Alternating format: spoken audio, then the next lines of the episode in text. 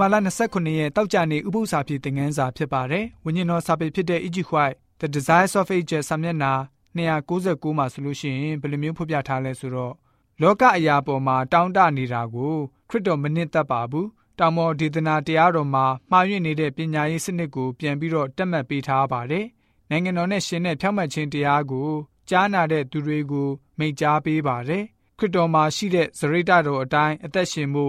တွင်တင်ထားပါတယ်။ လူတွေပြုမှားတဲ့အမှုအရာကိုဓာတ်ရိုက်အပြစ်တင်ခြင်းမျိုးမပြုပါဘူး။အပြစ်ကြောင့်နစ်နာသွားရတဲ့လောကကြီးအကြောင်းကိုခရစ်တော်တည်တော်မူပါတယ်။အားနဲ့ချိနဲ့နေတဲ့သူတွေရဲ့အပြစ်ကိုလည်းပဲခရစ်တော်အပြစ်တင်တော်မူမူပါဘူး